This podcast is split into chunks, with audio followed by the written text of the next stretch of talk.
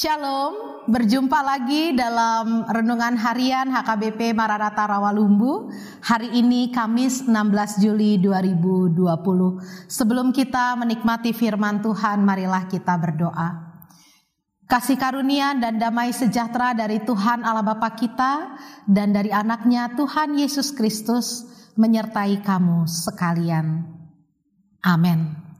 Saudara-saudara yang dikasihi Tuhan, firman Tuhan untuk kita pada hari ini terambil dari kitab Ibrani pasalnya yang keempat ayatnya yang ke-13.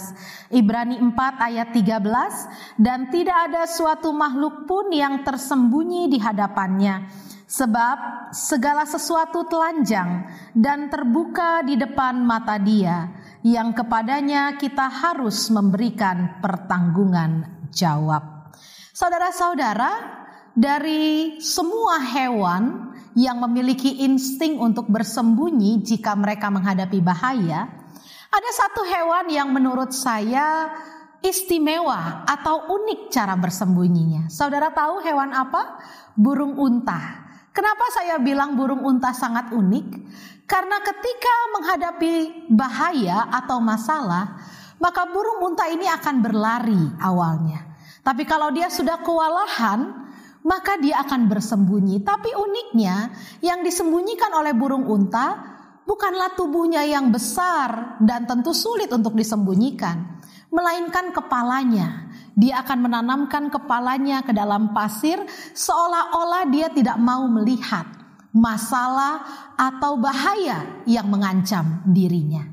Saudara-saudara, bersembunyi atau menyembunyikan diri, menyembunyikan kelakuan, menyembunyikan perkataan, itulah juga yang sering kita lakukan dalam hidup kita sehari-hari.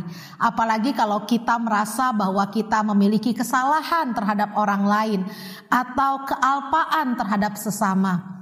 Maka dengan cepat kita menyembunyikan hal tersebut supaya tidak ketahuan oleh orang lain. Tapi firman Tuhan hari ini mengingatkan kita bahwa di hadapan Allah tidak ada sesuatu pun yang bisa kita sembunyikan. Perkataan, perbuatan, bahkan pikiran yang belum kita terjemahkan dalam perkataan atau perbuatan sekalipun, itu sudah Tuhan ketahui.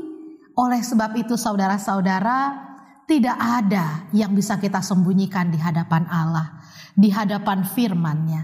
Karena itu, mari kita bertanggung jawab atas hidup kita karena pada suatu saat nanti kita akan mempertanggungjawabkan semua perkataan, perbuatan kita kepada Tuhan. Oleh sebab itu, firman ini mengingatkan, janganlah menjadi orang yang cepat untuk bersembunyi. Tetapi mari sebelum bertindak, sebelum berkata-kata, kita pikirkan dulu apakah itu baik atau tidak, mendatangkan kesejahteraan, kedamaian bagi sesama atau tidak sehingga perbuatan kita bisa dipertanggungjawabkan di hadapan Allah sebagai perbuatan yang memuliakan namanya. Tuhan memberkati. Amin. Kita berdoa.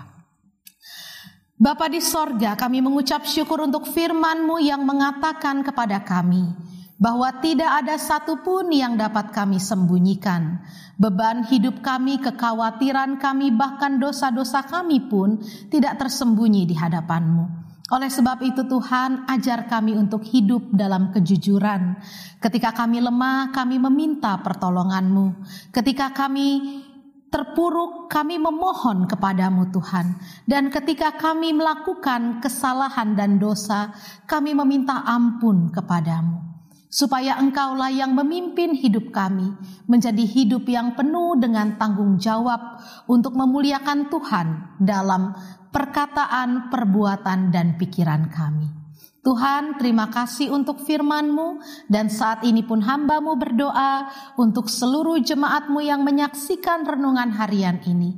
Berkatilah kehidupan seluruh jemaatmu Tuhan. Peliharalah mereka dengan kesehatan dan berikanlah rejeki melalui pekerjaan yang mereka lakukan dengan tangan mereka. Berkatilah mereka yang masih dalam proses studi, Tuhan berikan hikmat dan kepintaran. Yang bekerja, Tuhan berikan kekuatan. Yang berkeluarga, Tuhan berkati keluarga mereka.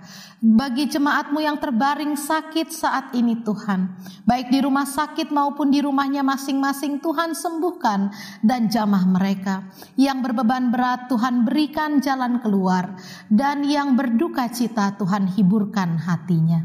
Tuhan berkatilah kami semua yang menikmati firman Tuhan ini, supaya firman Tuhan ini boleh termaterai, tertanam, dan bertumbuh di hati kami semua. Terpujilah namamu Tuhan, kami serahkan hidup dan kehidupan kami hanya ke dalam tanganmu. Dalam Kristus Yesus Tuhan kami, kami berdoa. Anugerah Tuhan kita Yesus Kristus, kasih setia dari Allah Bapa dan persekutuan dari Roh Kudus, itulah yang menyertai engkau pada hari ini sampai selama-lamanya. Amin.